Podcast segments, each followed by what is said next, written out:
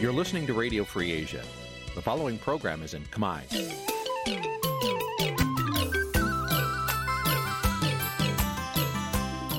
Nǐ chi càm bi tiệp xáy vệt chiu a zì sáy. នេះជាកម្មវិធីផ្សាយរបស់ Vithu Azisari ជាភាសាខ្មែរ វិទ្យុអាស៊ីសេរីសូមស្វាគមន៍លោកអ្នកនាងទាំងអស់ពីរដ្ឋធានី Washington នៃសហរដ្ឋអាមេរិក បានពីរដ្ឋធានី Washington ខ្ញុំបាទសនចាររថាសូមជម្រាបសួរលោកអ្នកនាងអ្នកស្ដាប់វិទ្យុអាស៊ីសេរីទាំងអស់ជាទីមេត្រីខ្ញុំបាទសូមជូនការផ្សាយសម្រាប់ព្រឹកថ្ងៃច័ន្ទ14រោចខែបុស្សឆ្នាំឆ្លូវត្រីស័កពុរសករាជ2565ដែលត្រូវនៅថ្ងៃទី31ខែមករាគ្រិស្តសករាជ2022បានជាបន្តទៅនេះសូមអញ្ជើញលោកអ្នកនាងស្ដាប់ព័ត៌មានប្រចាំថ្ងៃដែលមានមេត្តាដូចតទៅ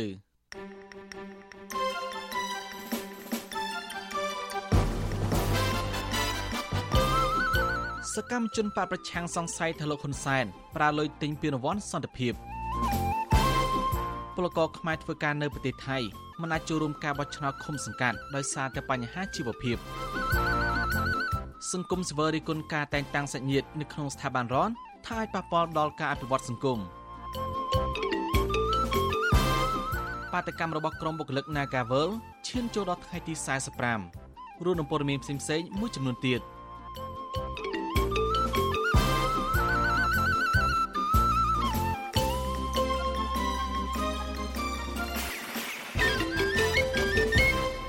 បាទជាបន្តទៅនេះខ្ញុំបាទសនចាររថាសូមជូនព័ត៌មានពិស្ដាសកម្មជនក្របកសង្គ្រោះជាតិសង្ស័យថាលោកនាយករដ្ឋមន្ត្រីហ៊ុនសែនបានប្រើលើទិញពីរង្វាន់សន្តិភាពខ្លាំងខ្លាយពីអង្គការដែលគេមិនស្គាល់ឈ្មោះមួយនៅកូរ៉េខាងត្បូងដើម្បីធ្វើប្រជាពិធដ្ឋអ្នកខ្លំមើលយល់ថាលោកហ៊ុនសែនមិនទាន់មានគុណសម្បត្តិគ្រប់គ្រាន់ដើម្បីទទួលបានពានរង្វាន់សន្តិភាពនោះទេបាទលោកនាងនៅបានស្ដាប់ព័ត៌មាននេះនៅពេលបន្តិចទៀតនេះបាទសូមអរគុណបាទលោកនាងជាទីមន្ត្រី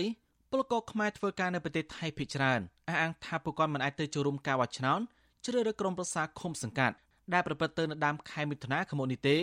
ដោយសារពួកគាត់មានបញ្ហាជីវភាពខ្វះខាតនិងគ្មានប្រាក់ត្រឡប់ទៅកម្ពុជាវិញមន្ត្រីអង្គការសង្គមស៊ីវិលយល់ថារដ្ឋាភិបាលគួរកែប្រែច្បាប់បោះឆ្នោតដែលអនុញ្ញាតឲ្យពលរដ្ឋនៅក្រៅប្រទេសអាចបោះឆ្នោតតាមស្ថានទូតនិងស្ថានគកុងស៊ុលបាន បាទពីរដ្ឋធានីវ៉ាស៊ីនតោនលោកជីវិតារីកាព័រមេនី ក្រមពលករខ្មែរធ្វើការនៅប្រទេសថៃថ្លែងថា ពួកគាត់សោកស្ដាយដែលមិនអាចទៅចូលរួមបោះឆ្នោត នៅពេលខាងមុខបាន ដោយសារអាញាធរកម្ពុជានិងថៃបិទព្រំដែនប្រទេសទាំងពីរបណ្ដាលមកពីការរាតត្បាតជំងឺ Covid-19 ពលរដ្ឋមានស្រុកកំណើតនៅខេត្តសៀមរាបដែលកំពុងធ្វើការសំណង់នៅទីក្រុងបាងកកលោកស្រីហុងសាវ៉េតប្រាប់អាស៊ីសេរីនៅថ្ងៃទី30មករាថា លោកស្រីនិងប្តីគាត់នឹងមិនត្រឡប់ទៅចូលរួមការបោះឆ្នោតជ្រើសរើសក្រុមប្រឹក្សាឃុំសង្កាត់នៅពេលខាងមុខបាននោះទេ ពីព្រោះពួកគាត់មានជីវភាពក្រីក្រ ស្របពេលដែលប៉ុន្មានខែចុងក្រោយនេះ គ្រួសារគាត់មិនបានធ្វើការងារទៀងទាត់ទៀតស្ត្រីវ័យ32ឆ្នាំរូបនេះបន្ថែមថាពលករខ្មែរធ្វើការជាមួយលោកស្រីប្រហែល20នាក់ទៀតក៏នឹងមិនទៅចូលរួមការបោះឆ្នោតឃុំសង្កាត់ដែរពីព្រោះគ្មានប្រាក់ធ្វើដំណើរត្រឡប់ទៅកម្ពុជាវិញ។ ថ្លៃចុះទៅអស់ច្រើនអាថ្លៃមកវិញកាន់តែអស់ច្រើនជាងអាពេលយើងទៅទៀត អ្នកដែលគេមានការងារបញ្ញាប់ដែលម៉ែឪឈឺទៅមកវិញសំអស់ម្នាក់7 8000បាតបងហើយរុកដប់រុកព្រៃមកមានមកតាមស្របច្បាប់ទេគេចាប់បានក៏ចាប់គុកពីមុនពីមុនដែលផ្លូវគេស្រួលយើងទៅមកបានសេរីផ្លឹបទៅបោះទៅបងពេលឥឡូវសប្ថ្ងៃនេះសេដ្ឋកិច្ចចាប់អញ្ចឹងមានណាគេទៅទេបងហើយទាំងខ្ញុំទាំងគេហើយចង់ហ៊ាននិយាយទេបងបោះយ៉ាងណាគេមិនឃើញជាប់អ្នកថ្មីសោះជាប់តែដេលដេលស្រដៀងគ្នានេះដែរ ពលករនីធ្វើការរោងចក្រផលិតជីនៅខេត្តអយុធ្យាប្រទេសថៃ លោកស្រីភិរិទ្ធថ្លែងថាគ្រួសារលោកស្រីមានគ្នា3នាក់ក៏មិនអាចទៅបោះឆ្នោតនៅពេលខាងមុខដែរដោយសារពួកគាត់មានជីវភាពខ្វះខាត និងគ្មានប្រាក់ធ្វើដំណើរពលរដ្ឋមានស្រុកកំណើតនៅខេត្តបាត់ដំបងរូបនេះបញ្ជាក់ថា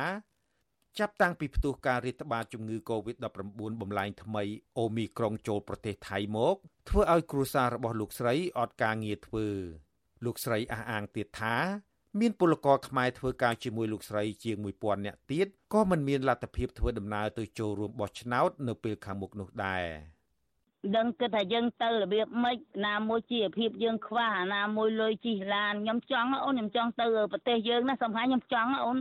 វាក្នុងកូវីដហ្នឹងចូល3ឆ្នាំហើយខ្ញុំមិនដែលបានទៅផ្ទះអូនថារៀបទៅផ្ទះកូវីដមកដល់ទៀតហើយឥឡូវដាច់បាត់ដាច់ប៉ាសពតទៀតមិនមាននឹងលុយធ្វើខ្លាចគេចាប់ខ្ញុំចង់ណារឿងបោះឆ្នោតរឿងណាមួយជាតិរបស់យើងណាអូនជាតិរបស់យើងយើងត្រូវត្រូវបោះដឹងថាជារូបកូនខ្មែរមួយឲ្យបានបោះឆ្នោតនឹងគេ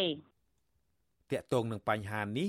អគ្គលេខាធិការរងគណៈកម្មាធិការជាតិរៀបចំការបោះឆ្នោតលោកសោមសូរីដាប្រាប់អាស៊ីសេរីថា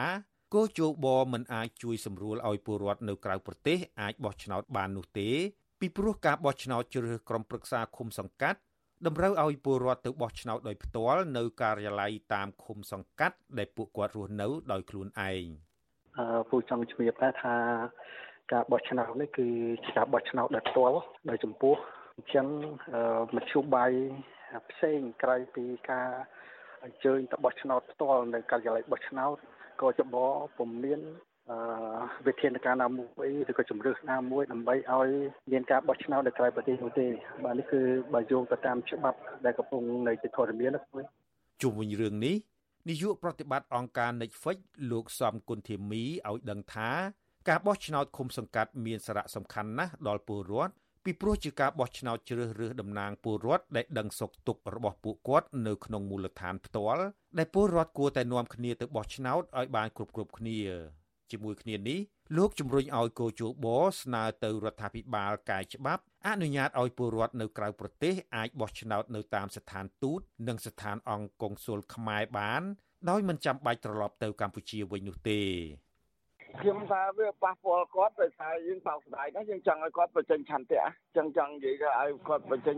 ឆន្ទៈដើម្បីជ្រើសរើសគេថាក្រុមប្រឹក្សាកាត់របស់គាត់ណានិយាយថា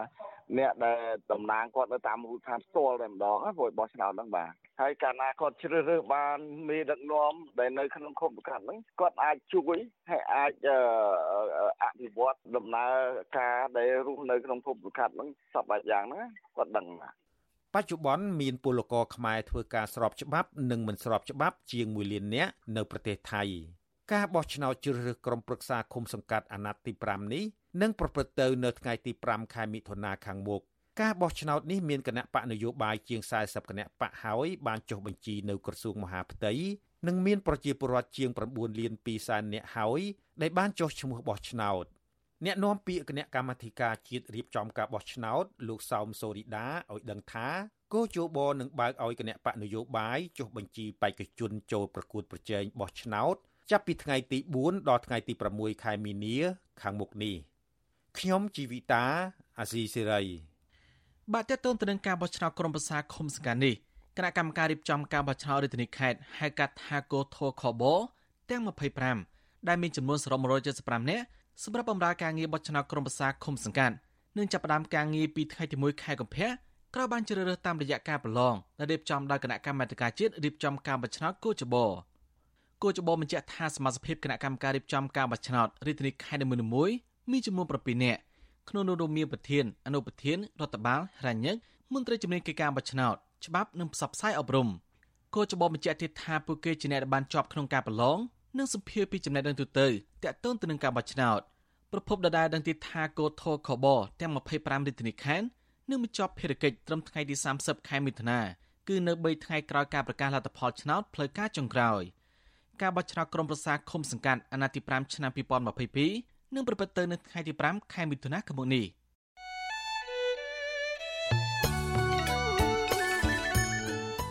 បានលោកនាងជាទីមត្រី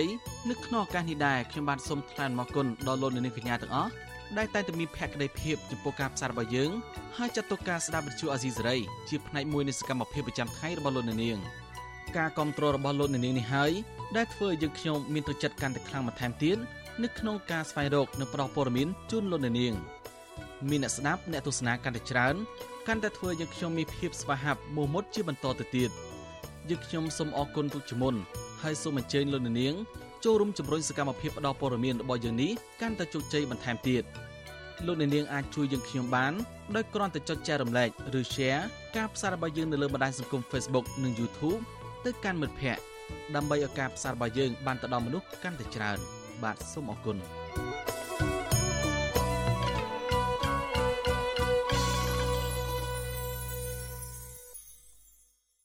បានលោកអ្នកនាងជាទីមត្រី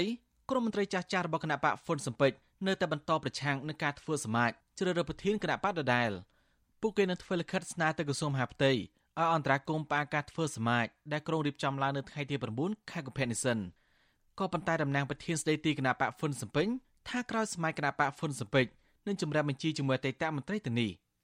បាទពីរដ្ឋធានីវ៉ាស៊ីនតោនលោកមួនរ៉េតរាយការណ៍ព័ត៌មាននេះ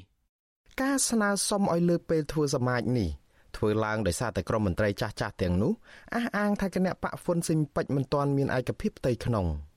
ដែលនាំពាក្យគណៈកម្មការនយោបាយនៃគណៈបកហ្វុនស៊ិនពេជ្រលោកផាន់សុធីប្រាប់វិទ្យុអាស៊ីសេរីនៅថ្ងៃទី30ខែមករាថាបត្រាច្បងរបស់សម្ដេចក្រមព្រះនរោត្តមរណរដ្ឋគឺព្រះអង្គម្ចាស់នរោត្តមចក្រវុឌ្ឍមិនទាន់សម្របសម្រួលផ្ទៃក្នុងឲ្យឯកភាពគ្នាទេ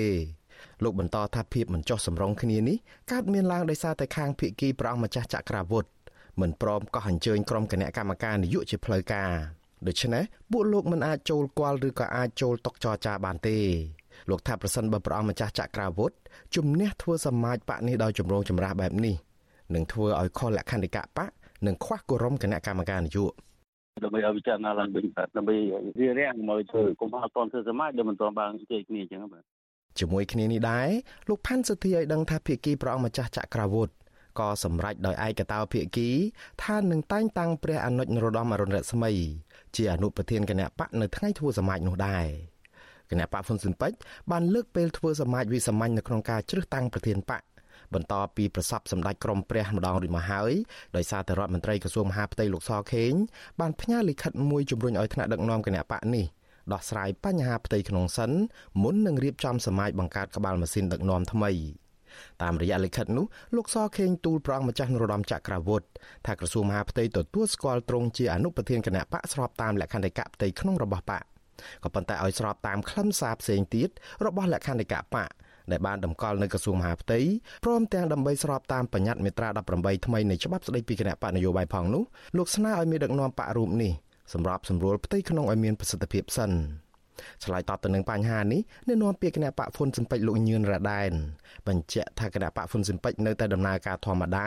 តាមបណ្ដាំសម្ដេចក្រមព្រះដែលបកគលបកជូនបត្រាច្បងដឹកនាំបន្តលោកបញ្ជាក់ថាព្រះអង្គម្ចាស់ចក្រវុឌ្ឍនឹងរក្សាទុកតំណែងព្រះអនុជអរុណរស្មីជាអនុប្រធានគណៈបកដដែលការធ្វើសមាជក៏នឹងធ្វើតាមផែនការនៅថ្ងៃទី9ខែកុម្ភៈនៅព្រះរាជដំណាក់វាលស្បូវខណ្ឌច្បារអំពៅដែរ លោកអះអាងទៀតថាខាងគណៈបកមានគណៈកម្មការនយោបាយនៅក្នុងតំណែងរួចរាល់អស់ទៅហើយលោកអះអាងថាសមាជិកគណៈបកហ្វុនស៊ិនពេជ្រចំនួន500នាក់ជាតំណាងមកពីខេត្តនិងស្រុកនៅទូទាំងប្រទេសនឹងចូលរួមនៅក្នុងសមាជនេះនៅក្នុងរបៀបវរៈការបោះឆ្នោតជ្រើសតាំងព្រះប្រធានគណៈបកអនុប្រធានគណៈបកនិងលក្ខន្តិកៈបកមួយចំនួនដើម្បីសម្ដៅទៅរកការបោះឆ្នោតក្រុមប្រឹក្សាគុំសង្កាត់នៅពាក់កណ្ដាលឆ្នាំ2022នេះលោកឲ្យដឹងដែរថាគណៈបកកំពុងតែពិចារណាអញ្ជើញតំណាងគណៈបកផ្សេងមកចូលរួមនៅក្នុងសមាជនេះដែរ លោកញៀនរ៉ាដែនបញ្ជាក់ថាមកដល់ពេលនេះព្រះអង្គម្ចាស់ចក្រវុឌ្ឍនៅតែផ្ដល់ឱកាសជូនមន្ត្រីចាស់ចាស់មកចូលរួមដដែលក៏ប៉ុន្តែនៅក្រៅការធ្វើសមាជរួចគណៈបកនឹងចាប់ផ្ដើមដាក់ចេញវិធានការមួយចំនួនលើអតីតមន្ត្រីគណៈបកដែលមានចេតនាមិនល្អចំពោះបក គាត់មិនពេញចិត្តដាក់លិខិតអីយ៉ាងម៉េចយ៉ាងម៉េចអានោះជារឿងរបស់គាត់ប៉ុន្តែបន្ទាប់ពីសមាជតែយើងនឹងពិចារណាឡើងវិញចំពោះអ្វីមួយដែលគាត់បានធ្វើចំពោះគណៈបកតាក់ទងទៅនឹងការផលិតនិងខ្លែងត្រាជាពិសេសការប្រើទូនីតិឋានៈដែលគណៈបកបានបញ្ចប់វត្តជូអាស៊ីសេរីមិនទាន់អាចសុំការបញ្ជាក់បន្ថែមពីអ្នកនាំពាក្យក្រសួងមហាផ្ទៃលោកខៀវសុភ័ក្របាននៅឡើយទេនៅថ្ងៃទី30ខែមករាក៏ប៉ុន្តែលោកធ្លាប់ប្រាប់សារព័ត៌មាននៅក្នុងស្រុកថាការរំលឹកឲ្យដោះស្រាយចំនួនបកជាមុននេះ គឺដើម្បីបញ្ជៀសបញ្ហាកង្វះគោរមនៅក្នុងពេលសមាជនោះឯងអ្នកខ្លាំមើលសង្គមឯណោះវិញលោកជឿថាសមាជហ៊ុនស៊ិនប៉ិចនឹងត្រូវរៀបចំទាំងភាពចម្រូងចម្រាសបែបនេះព្រោះថាភៀកគីខាងប្រងម្ចាស់នរោត្តមចក្រវុឌ្ឍនឹងមិនរងចាំដំណោះស្រាយឬក៏បញ្ជាពេលបន្តទៀតទេស្របពេលដែលការបោះឆ្នោតក្រុមប្រឹក្សាគុំសង្កាត់អាណត្តិទី5កាន់តែខិតជិតមកដល់អ្នកសិក្សាផ្នែកច្បាប់យុវជនខីពិសីយល់ថាចំនួនផ្ទៃក្នុងគណៈបកហ្វុនស៊ិនពេជ្រនឹងបន្តអូសបន្លាយតទៅទៀតហើយចំនួនផ្ទៃក្នុងនេះ គឺជាបញ្ហាចម្បងមួយក្នុងការទាញប្រជាប្រិយភាពគណៈបរិជានិយមមួយនេះឲ្យកាន់តែធ្លាក់ចុះថែមទៀតនៅក្រៅការធ្វើសម័យរួចបើសិនជាផ្ទៃក្នុងមិនទាន់ស្រស់ស្រួលហើយសមាជមិនទាន់សម្រាប់ជាផ្លូវការថាអ្នកណាឡើងធ្វើជាប្រធាននៅឡើយផងធ្វើម៉េចអាចរៀបចំរចនាសម្ព័ន្ធឃុំសង្កាត់ដើម្បីអាចទៅឈរឈ្មោះឬក៏អាចទៅគួតយកអាសនៈខ្លះពីគណៈបកកាន់អំណាចដែរហ្នឹងខ្ញុំគិតថាបកគុណសបៃកគឺនៅខ្សោយនៅឡើយវាបនក្នុងផ្នែកហ្នឹងណា គគណៈបកហ្វុនស៊ិនពេចធ្លាប់ឈ្នះឆ្នោតកាលពីអាណត្តិទី1កាលពីឆ្នាំ1993ដែលរៀបចំដោយអ៊ុនតាក៏ប៉ុន្តែដោយសារតែគណៈបកប្រជាជនកម្ពុជារបស់លោកហ៊ុនសែន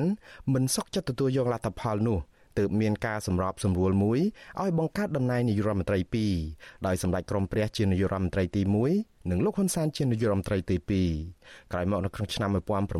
1997ក៏មានរដ្ឋបហាដោយកងកម្លាំងទ័ពលោកហ៊ុនសែនបណ្ដេញសម្ដេចក្រមព្រះ គណៈបរិជានិយមមួយនេះចាប់ផ្ដើមចុះខ្សោយជាបន្តបន្ទាប់នៅក្រោយពេលបង្កើតរដ្ឋាភិបាលចម្រុះជាមួយនឹងគណៈបកប្រជាជនកម្ពុជានិងដោយសារកើតមានចំនួនផ្ទៃក្នុងជាហូរហែនៅទីបំផុតគណៈបកនេះមិនទទួលបានអាសនៈនៅក្នុងរដ្ឋសភានៅក្នុងការបោះឆ្នោតពីអាណត្តិចុងក្រោយក៏ប៉ុន្តែក្រោយសម្ដេចក្រមព្រះចូលរួមដាក់ពាក្យប្តឹងរំលាយគណៈបកសង្គ្រោះជាតិគណៈបកកណ្ដាលអំណាចបានយកអាសនៈជាប់ឆ្នោតរបស់តំណាងរាស្ត្រគណៈបកសង្គ្រោះជាតិស្ទើរតែទាំងអស់ទៅចែកឲ្យគណៈបកហ្វុនស៊ិនប៉ិច ខ្ញុំបាទមុងណារ៉េត With you Azizi ប្រធានាទី Washington បាទលោកនាងជាទីមត្រី អង្គភាពប្រឆាំងអំពើពុករលួយហៅកាត់ថា ACU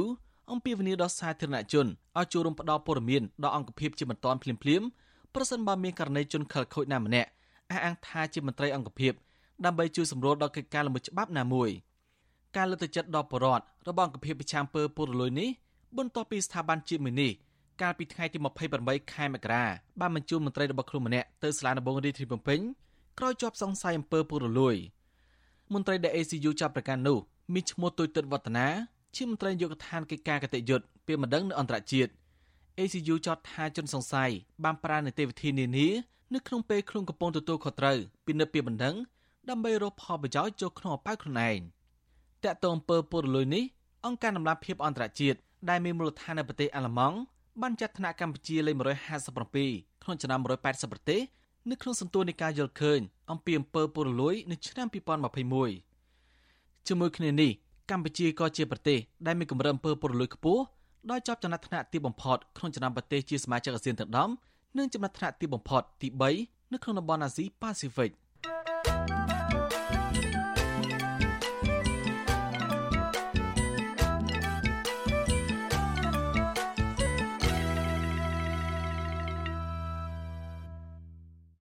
បានលោកនាងជាទីមន្ត្រីមន្ត្រីសង្គមសវននិងបកប្រឆាំងលើកឡើងថាការតែងតាំងឬក៏ដំឡើងតំណែងក្រាក់ក្រាក់ដោយផ្ដោតលើកូដនិងខ្សែស្រឡាយដែលមិនឆ្លងកាត់ការប្រគល់ប្រជែងសមត្ថភាពបបិសោននៅតាមក្រសួងស្ថាប័នជាតិនិងប៉ះពាល់ដល់សុចរិតភាពនិងធនធានមនុស្សសម្រាប់អភិវឌ្ឍជាតិការលើកឡើងនេះបន្ទាប់ពីកូនកូររដ្ឋមន្ត្រីក្រសួងធនធានទឹកលោកលឹមគិនហៅពីរូបត្រូវបានតែងតាំងជារដ្ឋលេខាធិការនិងអនុរដ្ឋលេខាធិការនៅក្នុងក្រសួងជាមួយឪពុក បានពីរដ្ឋធានីវ៉ាស៊ីនតោនអ្នកស្រីសុជីវីរាយការណ៍ព័ត៌មាននេះមន្ត្រីសង្គមស៊ីវិលនិងបកប្រឆាំងជំរុញឲ្យក្រសួងស្ថាប័នជាតិបង្ហាញពីដំណាភាពតាក់ទងនឹងនីតិវិធីតែងតាំងកូនចៅឬសាច់សារលោហិតរបស់ពួកគេដើម្បីផ្ដល់គំរូល្អដល់មន្ត្រីថ្នាក់ក្រោមនាយកប្រតិបត្តិអង្គការដំណាភាពកម្ពុជាលោកពេជ្រពិសីមានប្រសាសន៍ថាការតែងតាំងឬដំឡើងតំណែងដល់មន្ត្រីនៅក្នុងជួរស្ថាប័នរដ្ឋបើទោះបីជាពួកគេជាកូនចៅ ឬខ្សែស្រឡាយអ្នកធំក៏ដោយក៏ត្រូវតែអនុវត្តតាមនីតិវិធីនៃការប្រកួតប្រជែងផ្ដោតលើសមត្ថភាពដោយស្មារភាពគ្នា ដើម្បីធានានូវសុចរិតភាព និងយុត្តិធម៌លោកមើលឃើញថាពលរដ្ឋតែងតែលើកឡើងនៅក្តីបារម្ភថាតើមន្ត្រីដែលចូលកាន់តំណែងថ្មីថ្មីទាំងនោះបានឆ្លងកាត់តាមនីតិវិធីត្រឹមត្រូវឬយ៉ាងណា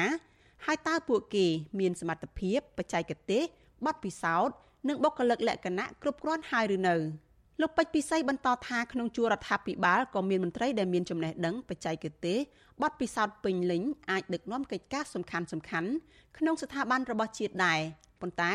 គ្រាន់តែពួកគាត់គ្មានឱកាសបង្ហាញសមត្ថភាពបម្រើសង្គមជាតិដោយសារបញ្ហាខ្សែស្រឡាយមករាំងខ្ទប់លោកថាបើបញ្ហានេះនៅតែកើតមានទៀតនឹងធ្វើឲ្យយុវជនបាត់បង់ឱកាសប្រកួតប្រជែង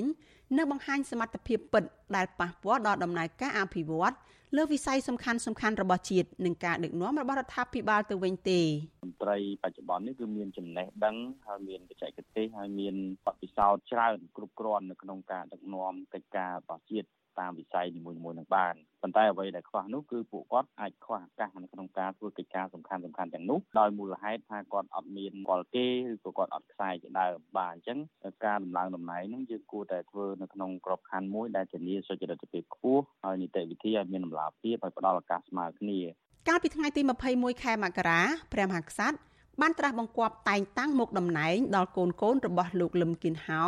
រដ្ឋមន្ត្រីក្រសួងធនធានទឹកនិងអូតូនិយមគឺអ្នកស្រីលឹមលីនដាជារដ្ឋលេខាធិការនិងលោកលឹមលីនបេរ៉ាជាអនុរដ្ឋលេខាធិការក្រសួងធនធានទឹកនិងអូតូនិយមដែលស្នើឡើងដោយលោកនាយរដ្ឋមន្ត្រីហ៊ុនសែនវិទ្យុអាស៊ីសេរីមិនអាចតាក់ទងលោកលឹមគៀនហៅនៅអ្នកនាំពាក្យក្រសួងធនធានទឹកនិងអូតូនិយមលោកច័ន្ទយុធាដើម្បីបកស្រាយជុំវិញរឿងនេះបានទេ នៅថ្ងៃទី30ខែមករាប៉ុន្តែប្រធានអង្គភិបអ្នកនាំពាក្យរដ្ឋាភិបាលលោកផៃសិផានប្រាប់វិទ្យុអាស៊ីសេរីថា ការតែងតាំងកូនកូនរបស់រដ្ឋមន្ត្រី ទៅជារដ្ឋលេខាធិការនិងអនុរដ្ឋលេខាធិការនៅក្រសួងធនធានទឹកនៅពេលនេះមិនធ្វើរដ្ឋាភិបាលរងការរិះគន់និងប៉ះពាល់ដល់ការដំណើរការប្រកួតប្រជែងក្នុងស្ថាប័នរួមទាំងកិច្ចការងាររបស់មន្ត្រីសាធារណៈនោះទេ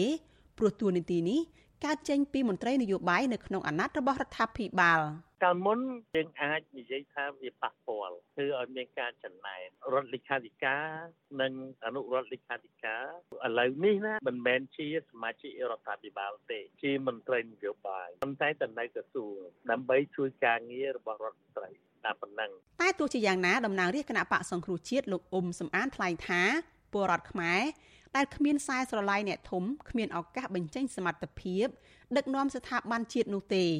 លោកអ៊ុំសំអានសង្កេតឃើញថា ការបញ្ចូលកូនចៅសាច់ញាតិដោយគ្មានការប្រកួតប្រជែងនិងមិនបង្ហាញសមត្ថភាពលេចធ្លោនៅក្នុងសង្គមជាបន្តបន្ទាប់ផ្ដើមចេញពីលោកនាយករដ្ឋមន្ត្រីហ៊ុនសែនដែលផ្ដល់គំរូអាក្រក់ដល់មន្ត្រីទាំងនោះនាពេលកន្លងមកលោកថាការដឹកនាំបែបគ្រួសារបពពួកនិយមបែបនេះនាំឲ្យការដឹកនាំនៅក្នុងស្ថាប័នចុះខ្សោយអយុត្តិធម៌សង្គម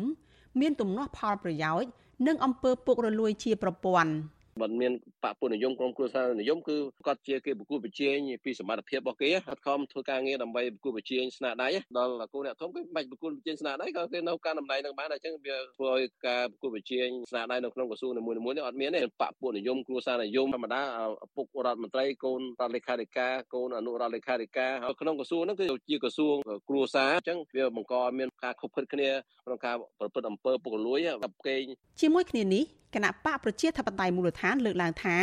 ប្រសិនបើធ្វើបែបនេះនៅប្រទេសមានប្រជាធិបតេយ្យជឿនលឿនរដ្ឋមន្ត្រីក្រសួងធនធានទឹកនឹងត្រូវមហាជនទាមទារឲ្យធ្លាក់ពីតំណែងហើយក៏ប៉ុន្តែនៅកម្ពុជា មហាជននៅតែយល់ថាការធ្វើបែបនេះគឺជារឿងទូទៅធម្មតារដ្ឋមន្ត្រីអាចដាក់កូនរបស់ខ្លួនជារដ្ឋលេខាធិការអនុរដ្ឋលេខាធិការ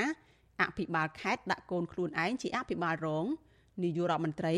ដាក់កូនខ្លួនឯងជាបេក្ខជននាយករដ្ឋមន្ត្រីជាដើមគណៈបកនេះមើលឃើញថាអភិបាលកិច្ចកម្ពុជា កំពុងធ្វើដំណើរបន្តិចម្ដងបន្តិចម្ដងទៅរករបៀបដឹកនាំបែបសក្តិភូមិចាស់គំរិលក្រៅពីកូនកូនរដ្ឋមន្ត្រីក្រសួងធនធានទឹកនិងអូតូនិយមលោកលឹមគៀនហៅក្នុងនោះមន្ត្រីក្រាក់ក្រាក់របស់លោកហ៊ុនសែនសុទ្ធតែមានកូនឬសាច់ញាតិធ្វើការជារដ្ឋមន្ត្រីរដ្ឋលេខាធិការអនុរដ្ឋលេខាធិការអគ្គនាយកអភិបាល អភិបាលរងខេត្តជាដើមជាមួយគ្នានេះក្រសួងស្ថាប័នខ្លះទៀតត្រូវបានសាធារណជនហៅថាជាក្រសួងឬស្ថាប័នគ្រួសារនិយមដូចជាក្រសួងរាយនឹងធម្មពលអង្គភាពប្រឆាំងអំពើពុករលួយ និងធនាគារជាតិនៃកម្ពុជាជាដើមដោយសារមានឪពុកជារដ្ឋមន្ត្រីឬជាប្រធានស្ថាប័នខណៈកូនកូនរបស់ពួកគេគឺជារដ្ឋលេខាធិការជាជំនួយការឬស្ថិតនៅក្នុងតួនាទីសម្រាប់ចិត្តនៅក្នុងស្ថាប័ននោះ និន្នាការបែបនេះក៏បានកើតឡើងនៅក្នុងស្ថាប័នតុលាការនិងនីតិបញ្ញត្តិផងដែរដោយភាកច្រើន កូនចៅឬសាច់ញាតិសាលោហិតរបស់ពួកគេបម្រើការជាមន្ត្រីនៅក្នុងនោះដែររីឯកូនកូនរបស់លោកនាយរដ្ឋមន្ត្រីហ៊ុនសែនវិញទាំងកូនបង្កើតនិងកូនប្រសាទទួលបានតួនាទីក្រាក់ក្រាក់នៅក្នុងជួរកងកម្លាំងប្រដាប់អាវុធមន្ត្រីរាជការស៊ីវិលរហូតដល់សមាជិកសភាគណៈលោកហ៊ុនម៉ាណែតក្លាយជាបេក្ខជននាយករដ្ឋមន្ត្រីនៅពេលអនាគតទៀតផង មន្ត្រីសង្គមស៊ីវិលនិងបកប្រឆាំងបញ្ជាក់ថាការតែងតាំងឬដំឡើងតំណែងកូនរបស់មន្ត្រីក្រាក់ក្រាក់ជាបន្តបន្ទាប់ដោយមិនឆ្លងកាត់នីតិវិធីប្រកួតប្រជែងត្រឹមត្រូវនិងជះឥទ្ធិពលអាក្រក់ដល់ធនធានយុវជនចំនួនក្រោយដែលគ្មានខ្សែស្រឡាយអ្នកធំនឹងការកសាងអភិវឌ្ឍជាតិនេះខ្ញុំសុជីវីវិទ្យុអាស៊ីសេរីពីរដ្ឋធានី Washington បាទលោកនៅនាងជាទីមត្រីសកម្មជនក្រាបកសង្គ្រោះជាតិសង្ស័យថាលោកនាយរដ្ឋមន្ត្រីហ៊ុនសែន បានប្រើលុយទិញពីរង្វាន់សន្តិភាពខ្លាំងខ្លាយពីអង្គការដែលគេមិនស្គាល់ឈ្មោះមួយនៅកូរ៉េខាងត្បូងដើម្បីធ្វើប្រជាពិធដ្ឋអ្នកខ្លមើលយល់ថាលោកហ៊ុនសែនមិនទាន់មានគុណសម្បត្តិគ្រប់គ្រាន់ដើម្បីទទួលបានពានរង្វាន់សន្តិភាពនោះទេ បាទពីរដ្ឋធានីវ៉ាស៊ីនតោនលោកមេរិតរាយការណ៍ព័ត៌មាននេះមន្ត្រីគណៈបពប្រឆាំងនៅប្រទេសកូរ៉េខាងត្បូងយល់ថាស្ថាប័នដែលប្រគល់ពានរង្វាន់សន្តិភាពឆ្នាំ2022ជូនមេដឹកនាំកម្ពុជា អាចជាក្រុមឆោបបោក ដែលរកស៊ីមុខរបរបង្កើតសមាគមឬមូលនិធិคล้ายៗហើយទាញយកផលប្រយោជន៍ផ្ទាល់ខ្លួនព្រោះថាសមាគមឬរដ្ឋាភិបាលកូរ៉េខាងត្បូងនឹងមិនអាចប្រគល់ពានរង្វាន់សន្តិភាពជូនមេដឹកនាំនៅក្នុងប្រទេសណាដែលផ្ដាច់ការនោះទេ ប្រធានគណៈកម្មការនយោបាយនៃចលនាប្រជាធិបតេយ្យគណៈបកសង្គ្រោះជាតិប្រចាំប្រទេសកូរ៉េខាងត្បូងលោកសសុខេមអះអាងថាតាមកិត្តិស័ព្ទសប្តាហ៍ថ្ងៃលោកហ៊ុនសែនមានរឿងរ៉ាវអាស្រូវច្រើនជាងស្នាដៃល្អៗដូច្នេះលោកថាលោកហ៊ុនសែនមិនអាចទទួលពានរង្វាន់សន្តិភាពពីក្រុមមេដឹកនាំប្រជាធិបតេយ្យបាននោះទេលោកជឿជាក់ថាមានតែក្រុមរកស៊ីបោកប្រាស់តែប៉ុណ្ណោះដែលអាចបង្កើតមេដាយឬពានរង្វាន់คล้ายៗលក់ឲ្យក្រុមមេដឹកនាំផ្ដាច់ការ ក៏ប៉ុន្តែខ្ញុំជឿថាបើសិនជាអង្គការហ្នឹងពិតជាតម្លាភាពមែនសិក្សាស្រាវជ្រាវច្បាស់វិនិច្ឆ័យឲ្យច្បាស់ថាសន្តិភាពឬមិនសន្តិភាពពិតមែនអង្គការហ្នឹងគេមិនចេញឲ្យទេការលើកឡើងនេះក្រោយពេលដែលអង្គការមិនសូវល្បីឈ្មោះមួយទៀតឈ្មោះមូលនិធិសន្តិភាពសុនហៈដែលប្រកាសថាមានមូលដ្ឋាននៅទីក្រុងសេអ៊ូលនៃប្រទេសកូរ៉េខាងត្បូងនៅថ្ងៃទី29ខែមករាបានប្រកាសផ្តល់ពានរង្វាន់សន្តិភាពសុនហៈឆ្នាំ2022ជូនលោកនាយករដ្ឋមន្ត្រីហ៊ុនសែន ប្រធានមូលនិធិសុនហៈលោក Thomas Wall លើកឡើងតាមរយៈលិខិតមួយច្បាប់ចុះថ្ងៃទី25ខែមករាថា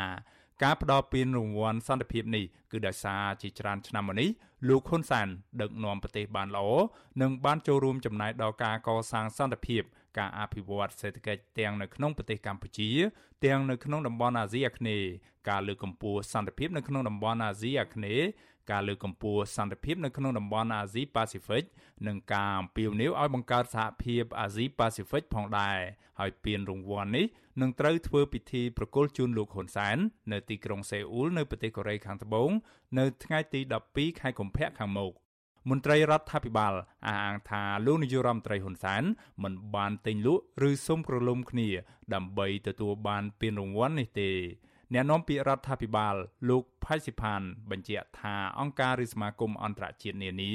បានមើលឃើញពីគុណតម្លៃរបស់មេដឹកនាំកម្ពុជាទើបគេផ្ដល់ពានរង្វាន់សន្តិភាព ជាកិត្តិយសសម្រាប់ប្រជាជនខ្មែរទាំងមូលវាជាយុទ្ធធម៌សម្រាប់សម្ដៅហើយរីឯការឆ្លងឆ្លើយរបស់បកប្រឆាំងអានឹងជាសម្ដៅគាត់មិនដែលឃើញអ្វីដែលគាត់ប្រឆាំងនឹងមានភាពវិជ្ជមានទេអានឹងយើងមិនសូវចាប់អារម្មណ៍ទេណាប៉ុន្តែការឡើងជាការប្រកកិត្តិយសមួយយ៉ាងហោចណាជាកិត្តិយសសម្រាប់ខ្មែរដែរមិនមែនគ្រាន់តែជាកិត្តិយសសម្រាប់បុគ្គលទេបាទទាំងអស់គ្នាទទួលបានកិត្តិយសទាំងអស់ក៏ប៉ុន្តែសម្រាប់ក្រុមអ្នកឃ្លាំមើលមិនជឿថាអង្គការឬមូលនិធិអន្តរជាតិឬក៏រដ្ឋាភិបាលលោកសេរីព្រមប្រគល់ពានរង្វាន់កិត្តិយសណាមួយឲ្យមេដឹកនាំកម្ពុជានោះទេព្រោះថាសហគមន៍អន្តរជាតិកំពុងរិះគន់និងជំរុញលោកនាយរដ្ឋមន្ត្រីហ៊ុនសែនឲ្យមកដឹកនាំប្រទេសតាមគោលការណ៍គោរពលទ្ធិប្រជាធិបតេយ្យនិងសិទ្ធិមនុស្សឡើងវិញស្ថាបនិកអង្គការមេដាធម្មជាតិ លោក Alejandro Gonzalez Davidson សង្កេតឃើញថាមេដឹកនាំផ្ដាច់ការនៅតាមប្រទេសមួយចំនួននៅក្នុងតំបន់ទ្វីបអាមេរិកឡាទីនទ្វីបអាហ្វ្រិកនិងទ្វីបអាស៊ីចូលចិត្តទិញពានរង្វាន់คล้ายៗពីក្រុមឆោបោកដើម្បីយកមកលួងចិត្តខ្លួនឯងនិងយកមកឃោសនាបោកប្រាស់កុហកបុរាណ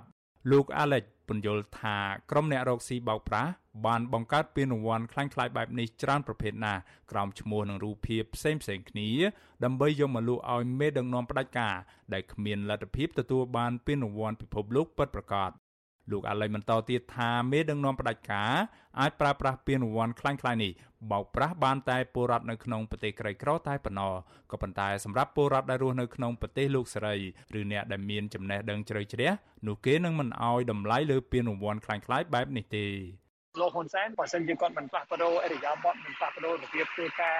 ហ្នឹងគឺអត់មានសិទ្ធិទេមិនអាចទទួលពានរង្វាន់បែបល្អត្រឹមត្រូវបានទេមានតែប៉ុណ្ណឹងមានតែរង្វាន់ដែលគាត់ទិញឬក៏គាត់គប់ខិតជាមួយគេដើម្បីទទួលហ្នឹងចាប់តាំងពីអំឡុងឆ្នាំ1995ដល់ឆ្នាំ2021លោកហ៊ុនសែនធ្លាប់ទទួលបានពានរង្វាន់ បានសរសើរមេដាយក្រុមងារនិងសញ្ញាបត្រកិត្តិយសជាង20ហើយពីសាកលវិទ្យាល័យស្ថាប័នឯកជន និងអង្គការមួយចំនួនដែលពិភពលោកមិនសូវស្គាល់ឈ្មោះនិងមិនសូវឲ្យតម្លៃសញ្ញាបត្រកិត្តិយសភាគច្រើនដែលលោកហ៊ុនសែនទទួលបាន គឺជាសញ្ញាបត្រផ្នែកវិជាសាស្ត្រនយោបាយចំណែកឯពានរង្វាន់ដែលលោកហ៊ុនសែនទទួលបានវិញភាគច្រើនមានឈ្មោះថាជាពានរង្វាន់សន្តិភាពពានរង្វាន់លើកស្ទួយពិភពលោក ពានរង្វាន់ភាពជាអ្នកដឹកនាំនិងអភិបាលកិច្ចល្អឬពានរង្វាន់សមិទ្ធផលអាស៊ានមួយជីវិតជាដើម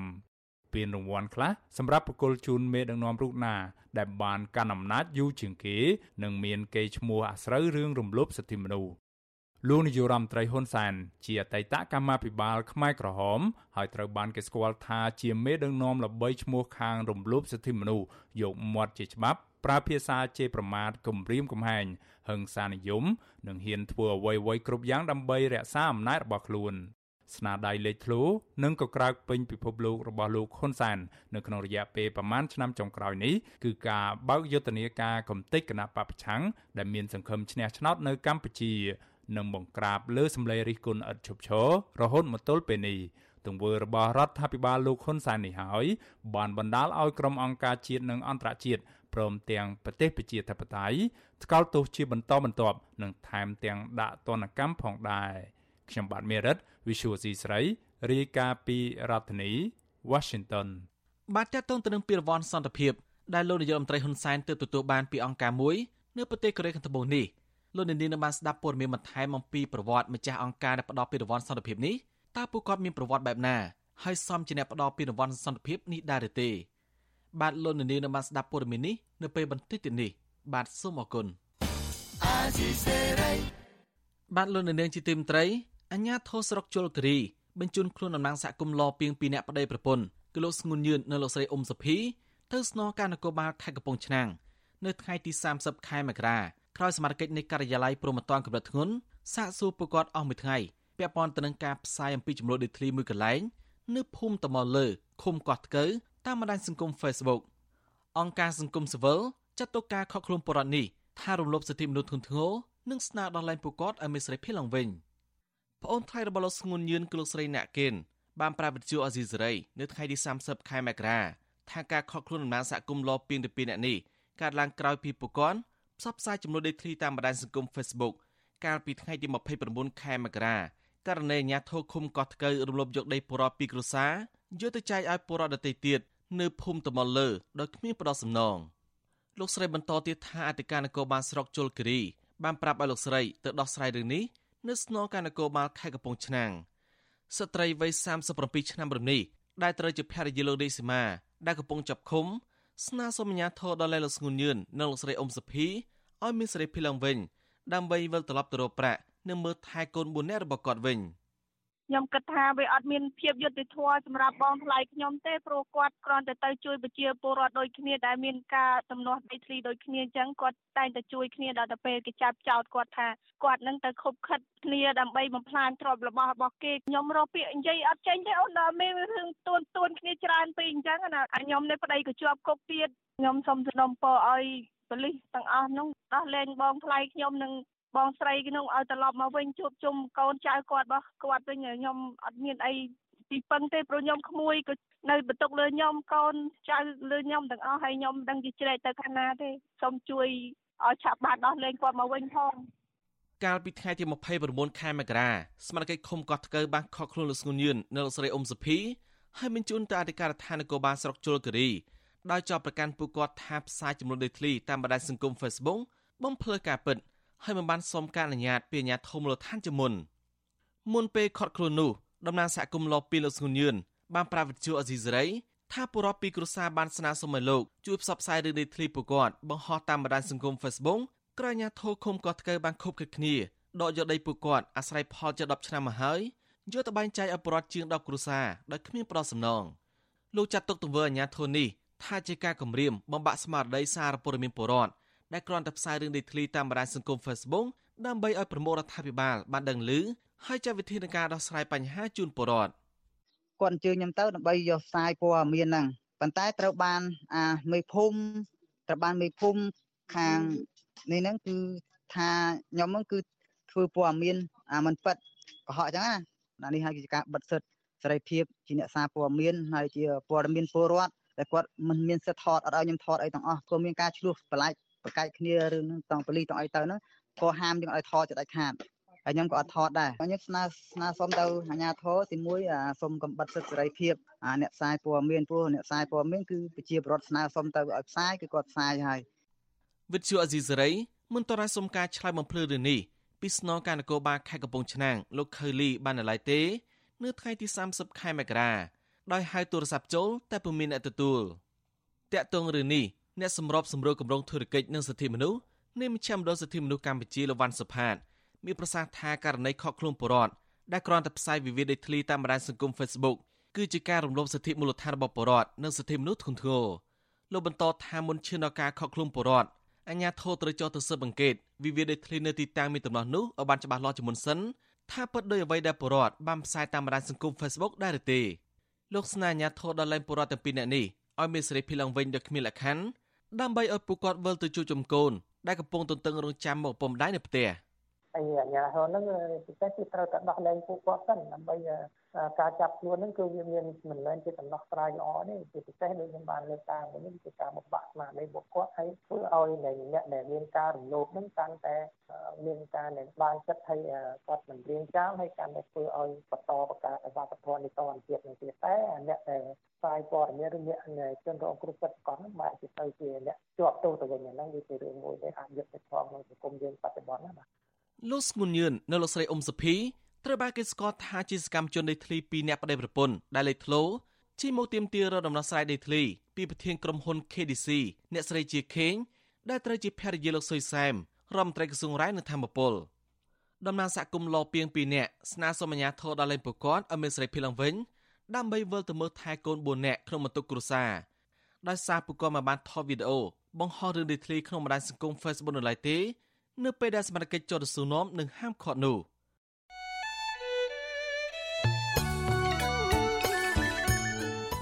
បានលោកនាងជាទីមត្រីនៅក្នុងឱកាសនេះដែរខ្ញុំបានសូមថ្លែងអំណរគុណដល់លោកនាងកញ្ញាទាំងអស់ដែលតែងតែមានភក្ដីភាពចំពោះការផ្សាយរបស់យើងហើយចាត់ទុកការស្ដាប់វិទ្យុអាស៊ីសេរីជាផ្នែកមួយនៃសកម្មភាពប្រចាំថ្ងៃរបស់លោកនាងការគ្រប់គ្រងរបស់លោកនាងនេះហើយដែលធ្វើឲ្យយើងខ្ញុំមានទឹកចិត្តកាន់តែខ្លាំងបន្ថែមទៀតនៅក្នុងការស្វែងរកនិងប្រោសព័ត៌មានជូនលោកនាងមានអ្នកស្ដាប់អ្នកទស្សនាកាន់តែច្រើនកាន់តែធ្វើឲ្យយើងខ្ញុំមានភាពស្វាហាប់មោះមុតជាបន្តទៅទៀតយើងខ្ញុំសូមអរគុណទុកជាមុន ហើយសូមអញ្ជើញលោកនាងចូលរួមជំរុញសកម្មភាពផ្តល់ព័ត៌មានរបស់យើងនេះកាន់តែជោគជ័យបន្ថែមទៀតលោកនាងអាចជួយយើងខ្ញុំបានដោយគ្រាន់តែចុចចែករំលែកឬ Share ការផ្សាយរបស់យើងនៅលើបណ្ដាញសង្គម Facebook និង YouTube ទៅកាន់មិត្តភ័ក្តិដើម្បីឲ្យការផ្សាយរបស់យើងបានទៅដល់មនុស្សកាន់តែច្រើន បាទសូមអរគុណ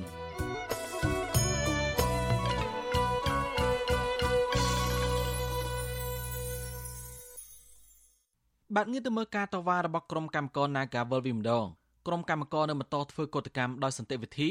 ថ្វាយស្ថានទូតអូស្ត្រាលីអស់រយៈពេល45ថ្ងៃហើយការតវ៉ានេះគឺស្ថិតក្រោមការឃ្លាំមើលពីអាជ្ញាធរអង្គការសង្គមស៊ីវិលជាតិអន្តរជាតិផ្នែកសិទ្ធិមនុស្សនិងសិទ្ធិការងារកម្មករផ្នែកកាស៊ីណូអ្នកស្រីប៉ែរស័យថ្លែងថាក្រុមកម្មករនៅបន្តការតវ៉ានេះដើម្បីទាមទារឲ្យអាជ្ញាធរដល់លែងតំណាងកម្មករ8នាក់ឲ្យបានឆាំនៅនឹងគ្មានលក្ខខណ្ឌ ហើយបន្តចរចាដោះស្រាយបញ្ចប់បញ្ហាជាមួយក្រុមហ៊ុនលោកស្រីបញ្ជាក់ថាពួកគាត់មិនបោះបង់ការតស៊ូនេះទេ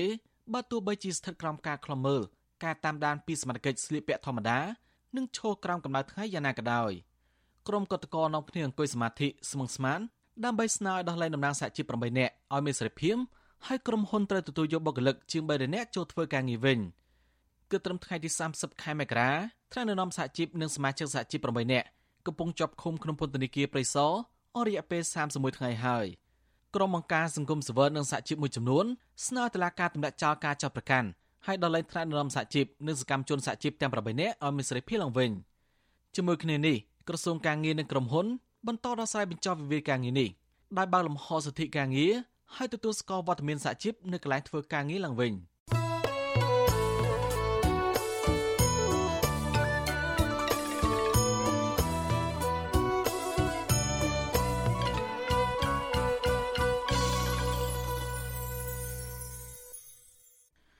បានលោកនាងជាទីមន្ត្រីថ្មីថ្មីនេះលោកនាយករដ្ឋមន្ត្រីហ៊ុនសែនបានទទួលពានរង្វាន់មួយពីអង្គការសាសនាកូរ៉េដែលបង្កើតឡើងដោយប្តីប្រពន្ធពីរនាក់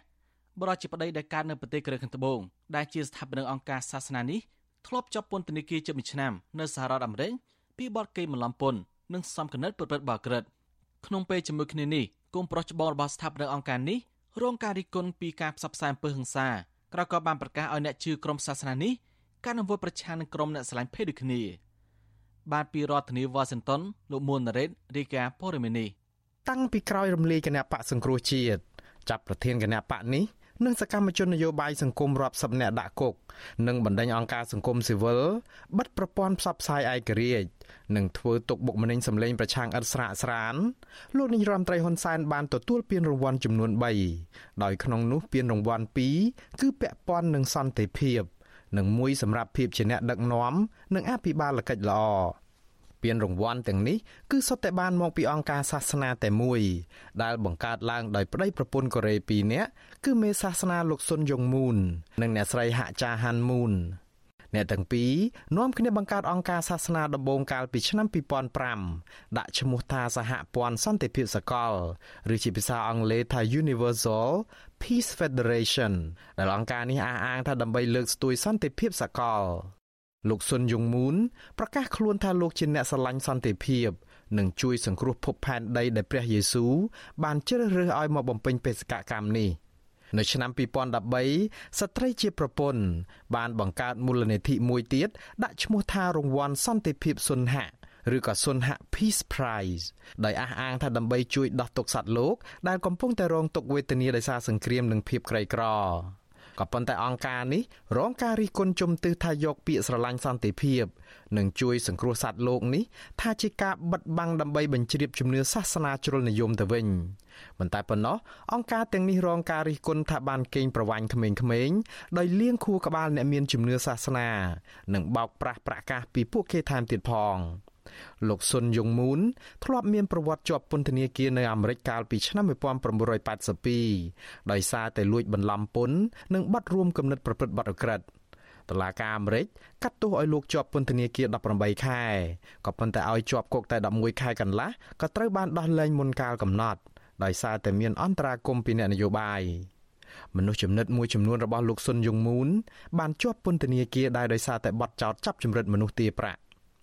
ក្រោយៗមកទៀតអង្គការសាសនារបស់ប្តីប្រពន្ធពីរនាក់នេះកើនទ្រព្យសម្បត្តិយ៉ាងសម្បើមចន្លោះពី1000លានដុល្លារដល់2000លានដុល្លារគឺចន្លោះពីឆ្នាំ1982ដល់ឆ្នាំ2006ក៏ប៉ុន្តែចំនួននៅក្នុងការគ្រប់គ្រងអង្គការសាសនានេះចាប់ផ្ដើមផ្ទុះឡើងជារួមអង្គការសាសនាដែលមានសាខានិងបណ្ដាញជាច្រើននេះគឺគ្រប់គ្រងដោយគ្រួសារត្រកូលមូនទាំងអស់ក៏ប៉ុន្តែពួកគេមិនអាចផ្សះផ្សាគ្នាបានឡើយ។ នៅក្នុងចំណោមកូនប្រុសទាំង3កូនប្រុសពៅរបស់ពួកគាត់គឺលោកយងចិនមូនបានបំបែកអង្គការសាសនា ដើម្បីគ្រប់គ្រងដាច់តែឯងមួយនិងប្រកាសខ្លួនឯងជាស្ដេចទី2បន្ទាប់ពីឪពុករបស់លោកនឹងបានដឹកនាំចលនាសាសនាមួយនៅអាមេរិកប្រកាន់គោលការណ៍ហិង្សាប្រឆាំងមនុស្សភេទទី3ឬអ្នកស្រឡាញ់ភេទដូចគ្នាលោកយងចិនមូនប្រកាសឲ្យអ្នកស្អប់អ្នកដែលស្រឡាញ់ភេទដូចគ្នានាំគ្នាកាន់កំភ្លើងគ្រប់ដៃ ចំនួនគ្រួសារពាក់ព័ន្ធនឹងរឿងលុយកាក់រវាងម្ដាយនិងកូនកូនបានផ្ទុះឡើងជាបន្តបន្ទាប់ចំនួននេះផ្ទុះធំនៅឆ្នាំ2012ក្រោយមរណភាពរបស់លោកស៊ុនយុងមូនក្រោយលោកស៊ុនយុងមូនស្លាប់ភរិយារបស់លោកនិងកូន3នាក់របស់ពួកគាត់ចាប់ផ្ដើមឆ្លោះគ្នារឿងដណ្ដើមទ្រព្យនេះរហូតដល់ឡើងតុលាការរហូតមកដល់ពេលនេះអស់រយៈពេល10ឆ្នាំហើយសំណុំរឿងនេះនៅមិនទាន់ដាច់ស្រេចនៅឡើយ។ ការមិនអាចសម្របសម្រួលផ្ទៃក្នុងអង្គការសាសនា និងគ្រួសារខ្លួនឯងបាននេះធ្វើឲ្យមតិជាច្រើនលើកជាចម្ងល់ថាតើអង្គការសាសនាដ៏ចម្រូងចម្រាសមួយនេះមានតម្លៃអ្វីក្នុងការផ្ដល់ពានរង្វាន់សន្តិភាពដល់លោកនាយរដ្ឋមន្ត្រីហ៊ុនសែនជាងនេះទៅទៀតថ្មីថ្មីនេះអង្គការសាសនានេះ បានគាំទ្រចំហលោកហ៊ុនសែនដែលទៅចាប់ដៃមេដឹកនាំរដ្ឋបហាយោធាភូមាដែលបាញ់សម្លាប់ជនស៊ីវិលស្លូតត្រង់អស់ជាង1400នាក់និងបានដុតមនុស្សទាំងរស់រាប់សិបនាក់មានទាំងកុមារ ឥឡូវពានរង្វាន់សន្តិភាពពីអង្គការសាសនាពីអ្នកប្តីប្រពន្ធនេះបានត្រូវប្រព័ន្ធឃោសនារបស់លោកហ៊ុនសែនយកទៅបំពងសម្លេង និងរំលេចឲ្យទៅជារឿងដ៏អស្ចារ្យហើយជ្រាបដល់ព្រះមហាក្សត្រខ្មែរដែលព្រះអង្គត្រូវឡាយប្រហោះលេខាគាំទ្រនិងកាត់សរសើរលោកហ៊ុនសែនដែលបានទទួលរង្វាន់នេះទៀតផងប្រធានស្ដីទីគណៈបកសង្គ្រោះជាតិលោកសំរងស៊ីសោកស្ដាយនិងហួសចិត្តដែលប្រជាពលរដ្ឋខ្មែរនិងព្រះមហាក្សត្រផង កំពុងតែលងជឿការបោកប្រាស់របស់អង្គការសាសនាមួយនេះ លោកថានេះគឺជាគ្រោះថ្នាក់ធំមួយទៀតសម្រាប់ជាតិដែលបុគ្គលជាច្រើនរួមទាំងព្រះមហាក្សត្រផងនាំគ្នាជឿរឿងបែបនេះហើយអាមេដៃហ្នឹងណាគ្មានអាណាចង់បាននេះអារង្វាន់ដែលអង្គការនឹងឲ្យអង្គការចៅឲ្យអាប្រធានស្ថាបនិកមួយហ្នឹងបោកគេច្រើនណាគាត់ណាហ្នឹងគឺឆោបោលៀងខួរពងវក់មនុស្សតាមនោះលុយគាត់បានច្រើនគាត់ទៅទិញអាអ្នកមានអំណាចដូចហ៊ុនសែននេះណាឲ្យរង្វាន់ឲ្យអីមេដៃមាសអីចឹង អារឿងហ្នឹងអាក្រក់មើលមែនតើណាដូចខ្មែរយើងអត់ដឹងណាព្រះមហាក្សត្រតែលោកអត់ដឹងលោកចេះតែស្អីតែសើហ៊ុនសែនប្រធានអង្គភិបអ្នកណែនាំពាក្យរដ្ឋាភិបាលលោកហ៊ុនសែនគឺលោកផៃស៊ីផាន បានអះអាងបញ្ជាក់ប្រាប់វិទ្យុអាស៊ីសេរីថាលោកនាយរដ្ឋមន្ត្រីហ៊ុនសែនមិនបានទិញលក់ឬក៏សុំក្រឡុំគ្នាដើម្បីទទួលបានពានរង្វាន់នេះទេ បើទោះបីជាការទទួលពានរង្វាន់សន្តិភាពពីអង្គការសាសនានេះត្រូវបានប្រព័ន្ធឃោសនារបស់លោកហ៊ុនសែនចុះផ្សាយប្រងព្រាតយ៉ាងណាក្តីក៏គ្មានសារព័ត៌មានអន្តរជាតិណាមួយចាប់អារម្មណ៍យករឿងនេះទៅចុះផ្សាយនោះឡើយករណីនេះគឺផ្ទុយគ្នាស្រឡះទៅនឹងរង្វាន់ Nobel សន្តិភាពឬ Nobel Peace Prize របស់ពិភពលោក ដែលផ្ដល់ឲ្យអ្នកមានស្នាដៃឆ្នើមនៅក្នុងការតស៊ូដើម្បីឲ្យមានសិទ្ធិសេរីភាព ប្រជាធិបតេយ្យការគោរពសិទ្ធិមនុស្ស យុត្តិធម៌សង្គមនិងភាពសុខដុមរមនានៅក្នុងសង្គមនិងពិភពលោកដែលរង្វាន់បែបនេះត្រូវបានសារព័ត៌មានអន្តរជាតិចុះផ្សាយប្រងព្រាតឧទាហរណ៍រង្វាន់ Nobel សន្តិភាពសម្រាប់ឆ្នាំ2021បានទៅជនជាតិហ្វីលីពីនអ្នកស្រី Maria Ressa ដែលជាអ្នកកាសែតដែលបដូរផ្ដាច់ដោយមិនខ្លាចញញើតនៅក្នុងការការពារសិទ្ធិសេរីភាពក្នុងខាងការបញ្ចេញមតិនិងផ្សព្វផ្សាយព័ត៌មានបកអាក្រាតការរំលោភអំណាច ការប្រើអំពើហិង្សា និងអំពើផ្ដាច់ការរបស់ប្រធានាធិបតីហ្វីលីពីន លោក Rodrigo Duterte ម្នាក់ទៀតគឺលោក Mitri Moratov ដែលជាជនជាតិរុស្ស៊ីដែលជាអ្នកតស៊ូមតិដើម្បីសេរីភាពសារព័ត៌មាននៅប្រទេសរុស្ស៊ីនៅតំបន់អាស៊ីអាគ្នេយ៍មានមនុស្សតែ4រូបតែប៉ុណ្ណោះដែលទទួលបានពានរង្វាន់ Nobel សន្តិភាពនេះ ទី1គឺលោកលេដកថនៃបកកុម្មុយនីសវៀតណាម ដែលគេប្រគល់ពានរង្វាន់នេះនៅក្នុងឆ្នាំ1973សម្រាប់ភាពជាបុគ្គលឆ្នើមនៅក្នុងការចរចាឲ្យមានបទជប់បាញ់គ្នាជាមួយនឹងទាហានអាមេរិកនៅឆ្នាំ1973នោះក៏ប៉ុន្តែលោកលេដុកថមិនព្រមទទួលយករង្វាន់នោះទេ បន្តមកទៀតគឺអ្នកស្រីអងសានស៊ូជីនៃប្រទេសភូមាដែលបានរង្វាន់នេះនៅឆ្នាំ1991ក្នុងពេលដែលអ្នកស្រីជាមេបកប្រឆាំងនឹងកំពុងជាប់ឃុំនៅក្នុងផ្ទះរង្វាន់នេះអ្នកស្រីទទួលបានដោយសារតែស្នាដៃតស៊ូដោយអហិង្សាដើម្បីសិទ្ធិមនុស្សនិងប្រជាធិបតេយ្យចុងក្រោយ គឺជនជាតិទីម៉ូខាងកើតពីររូបគឺលោក Carlos Felipe Simene Belo និងលោក Jose Ramos Horta ពួកគាត់ទទួលរង្វាន់នេះកាលពីឆ្នាំ1996ចំពោះស្នាដៃរកដំណោះស្រាយដោយយុត្តិធម៌និងសន្តិវិធីដើម្បីបញ្ចប់ចំនួននៅទីម៉ូខាងកើតខ្ញុំបាទមុងណារ៉េត With you Aziz Saray ប្រធានាធិបតី Washington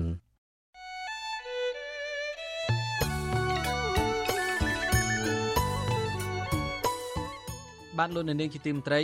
ដំណើរគ្នានឹងស្ដាប់ការផ្សាយវិទ្យុអាស៊ីសេរីតាមបណ្ដាញសង្គម Facebook និង YouTube លោកនាងក៏អាចស្ដាប់កម្មវិធីផ្សាយរបស់វិទ្យុអាស៊ីសេរីតាមរយៈរលកធាតុអាកាសខ្លីឬ Shortwave តាមកម្រិតនិងកម្ពស់ដូចតទៅនេះពេលព្រឹកចាប់ពីម៉ោង5កន្លះដល់ម៉ោង6កន្លះតាមរយៈរលកធាតុអាកាសខ្លី9390 kHz ឬស្មើនឹងកម្ពស់ 32m និង11850 kHz ឬស្មើនឹងកម្ពស់ 25m ពេលយប់ចាប់ពីម៉ោង7កន្លះដល់ម៉ោង8កន្លះតាមរយៈរលកធាតុអាកាសខ្លី9390 kHz ឬស្មើនឹងកម្ពស់ 32m និង15155 kHz ឬស្មើនឹងកម្ពស់ 20m បាទសូមអរគុណ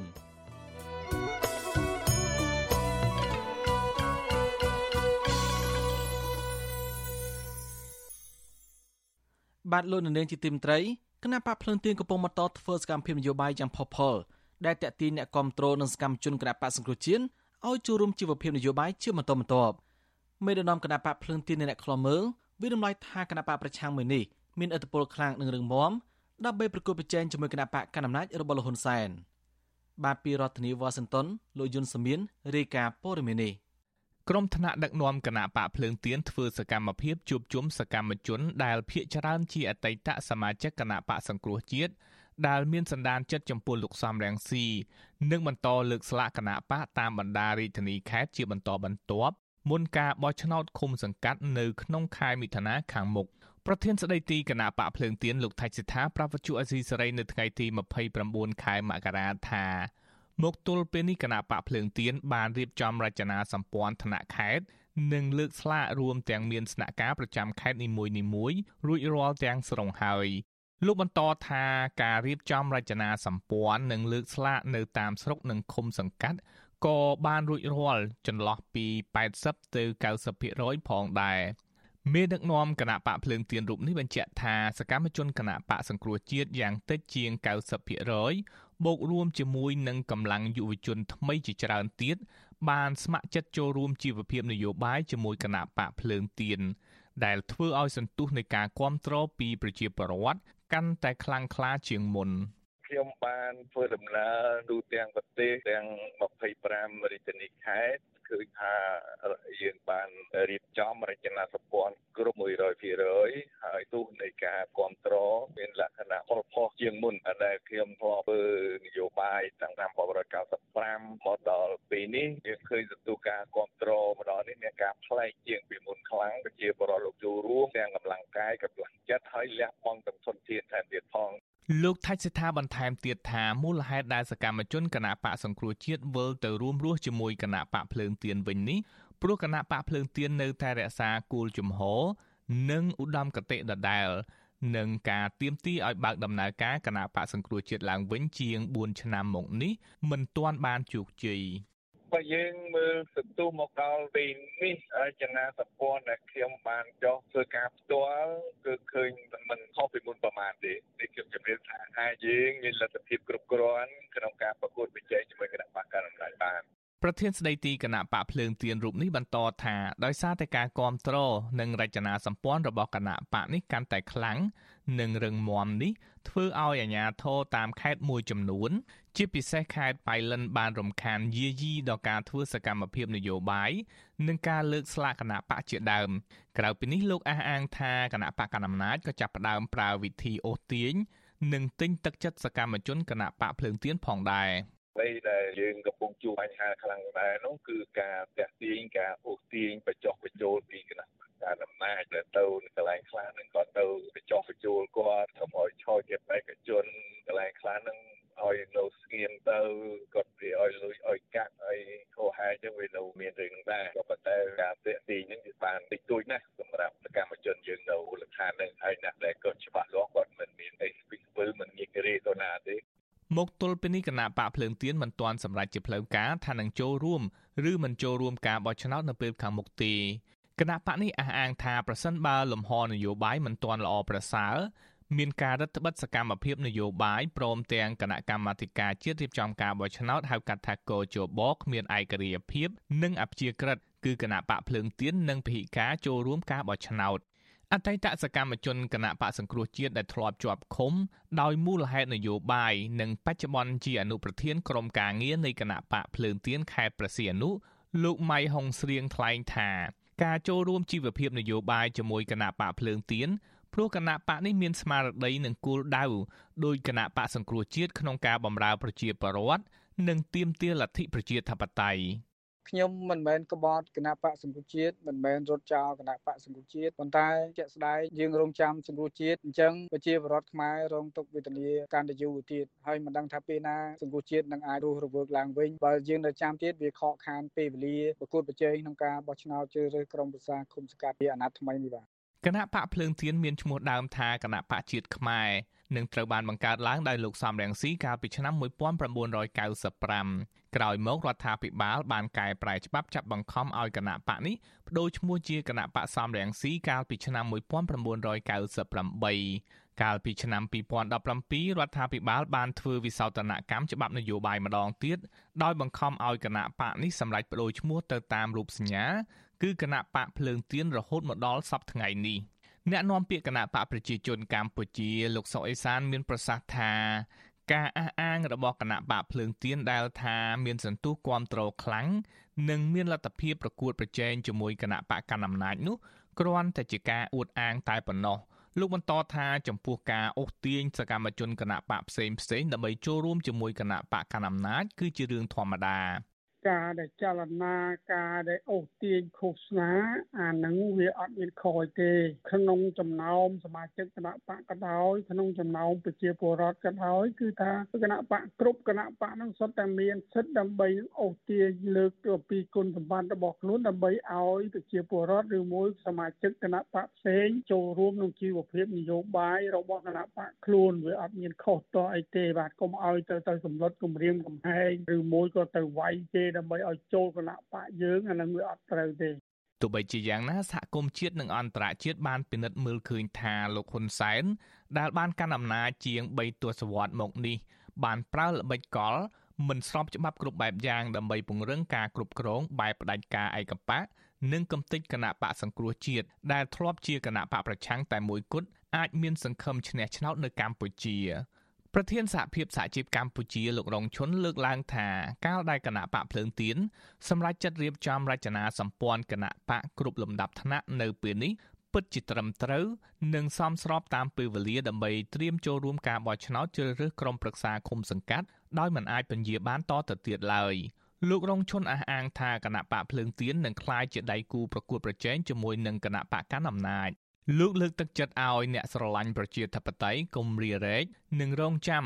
ដោយត្រូវចូលរួមគាំទ្រនិងធ្វើសកម្មភាពជាមួយគណៈបកភ្លើងទៀន ដើម្បីស្ដារសិទ្ធិមនុស្សនិងលទ្ធិប្រជាធិបតេយ្យនៅកម្ពុជាឡើងវិញខ្ញុំមើលឃើញថាបើយើងម្នាក់ម្នាក់រងចាំគណៈបកសង្គ្រោះជាតិត្រឡប់មកវិញអញ្ចឹងនឹងហួសពេលក្នុងការចូលរួមការបោះឆ្នោតអញ្ចឹងហើយបានជាខ្ញុំមើលឃើញថាមានគណៈបកលើងទៀននេះដែលអាចរៀបចំប្រកួតប្រជែងនៅក្នុងការបោះឆ្នោតឆ្នាំ2022នេះគណៈបកភ្លើងទៀនធ្លាប់ទទួលបានអាសនៈរដ្ឋសភាចំនួន15កាលពីឆ្នាំ1998 និងបានអាសនៈចំនួន25កាលពីឆ្នាំ2003ក្រោយមកបានអាសនៈចំនួន26កាលពីឆ្នាំ2008មុននឹងចូលរួមជាមួយគណៈបកសិទ្ធិមនុស្សបង្កើតគណៈបកសង្គ្រោះជាតិកាលពីឆ្នាំ2012អ្នកឃ្លាំមើលស្ថានភាពនយោបាយយល់ថាគណៈបកភ្លើងទៀននៅតែមានបណ្ដាញនិងឥទ្ធិពលរឹងមាំតាំងពីថ្នាក់ជាតិដល់ថ្នាក់មូលដ្ឋានដូច្នេះគណៈបកនេះអាចដណ្ដើមអាសនៈឃុំសង្កាត់និងអាសនៈសភាបានមកវិញ ដោយមិនបណ្ដោយឲ្យគណៈបកកណ្ដាលអំណាច ដឹកនាំតែឯងនិងជិះសេះលែងដៃទៀតនោះទេខ្ញុំយុនសាមៀនវិទ្យុអាស៊ីសេរីពីរដ្ឋធានី Washington